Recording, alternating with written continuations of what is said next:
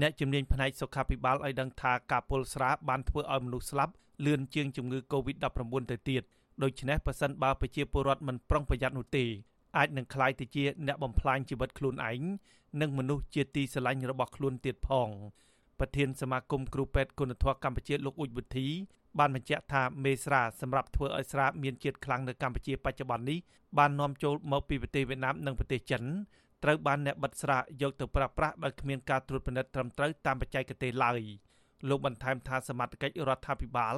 ជាពិសេសក្រសួង3សំខាន់គឺក្រសួងសុខាភិបាលក្រសួងកសិកម្មនិងក្រសួងឧស្សាហកម្មត្រូវតែចាត់វិធានការឲ្យមន្ត្រីជំនាញរបស់ខ្លួនចុះស្រាវជ្រាវរកមើលកន្លែងបិទស្រាទាំងអស់នៅទូទាំងប្រទេសថាតើធ្វើឡើងត្រឹមត្រូវតាមបច្ចេកទេសដែរឬទេបើមិនដូច្នេះទេនៅថ្ងៃក្រោយទៀតប្រជាពលរដ្ឋមុខជាពលស្លាស្លាប់ជាបន្តបន្ទាប់ទៀត មន្ត្រីទាំងអស់ហ្នឹងគាត់ដូចធ្វើបង្ងើយធ្វើប្រហែសដូចអត់យល់អីហើយរហូតទៅអឺ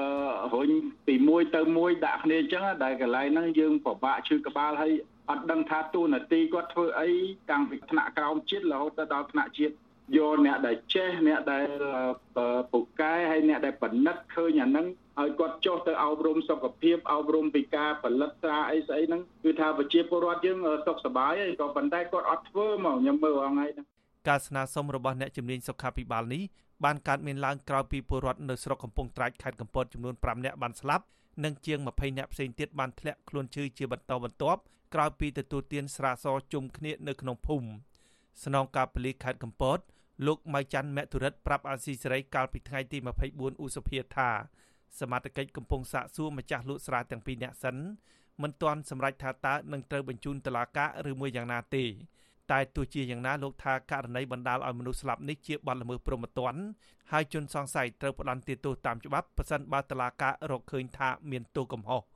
ស្នងការប៉ូលីសខេត្តកំពតរូបនេះមិនបានបញ្ជាក់លម្អិតពីមូលហេតុដែលបណ្ដាលឲ្យស្លាប់នោះទេ ដោយលោកគ្រាន់តែអះអាងថាប្រជាពលរដ្ឋបានទិញស្រាសយកមកទទួលទានជុំគ្នានៅក្នុងភូមិហើយក្រោយមកក៏មានអាការៈពុលជាបន្តបន្ទាប់ហើយមកដល់ពេលនេះមានមនុស្សចំនួន5នាក់ហើយបានស្លាប់ឥឡូវដំបូងគឺយើងបានអញ្ជើញម្ចាស់ទីតាំងដែលគាត់ផលិតស្រាហ្នឹងដើម្បីមកសាកសួររងចាំលទ្ធផលដែលយើងចេញពីឡាបូនៅភ្នំពេញមកសិនបាទបាទយើងបន្តនីតិវិធីបន្តទៀតណាករណីពុលស្រានៅក្នុងខេត្តកំពតនេះបានកើតមានឡើងបន្ទាប់ពីខេត្តកណ្ដាល កាលពីថ្ងៃទី19ខែឧសភាមានមនុស្សចំនួន12នាក់ស្លាប់បន្ទាប់ពីពួកគេបានទទួលទានស្រាសនិងស្រាថ្នាំ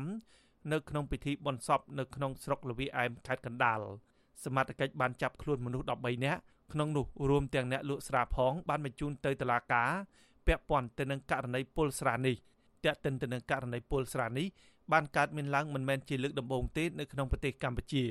ពលរដ្ឋនៅក្នុងស្រុកសម្បូរខេត្តកញ្ចេះចំនួន5នាក់បានស្លាប់ ដោយសារតែការពុលស្រានេះដែរកាលពីខែតុលាឆ្នាំ2018នៅឆ្នាំ2020មានពលរដ្ឋនៅស្រុកម៉ាឡៃខេត្តបន្ទាយមានជ័យចំនួន4នាក់បានស្លាប់និងជាង10នាក់ផ្សេងទៀតត្រូវបានសង្គ្រោះបន្ទាន់ដោយសារតែពុលស្រាថ្នាំចិនសែ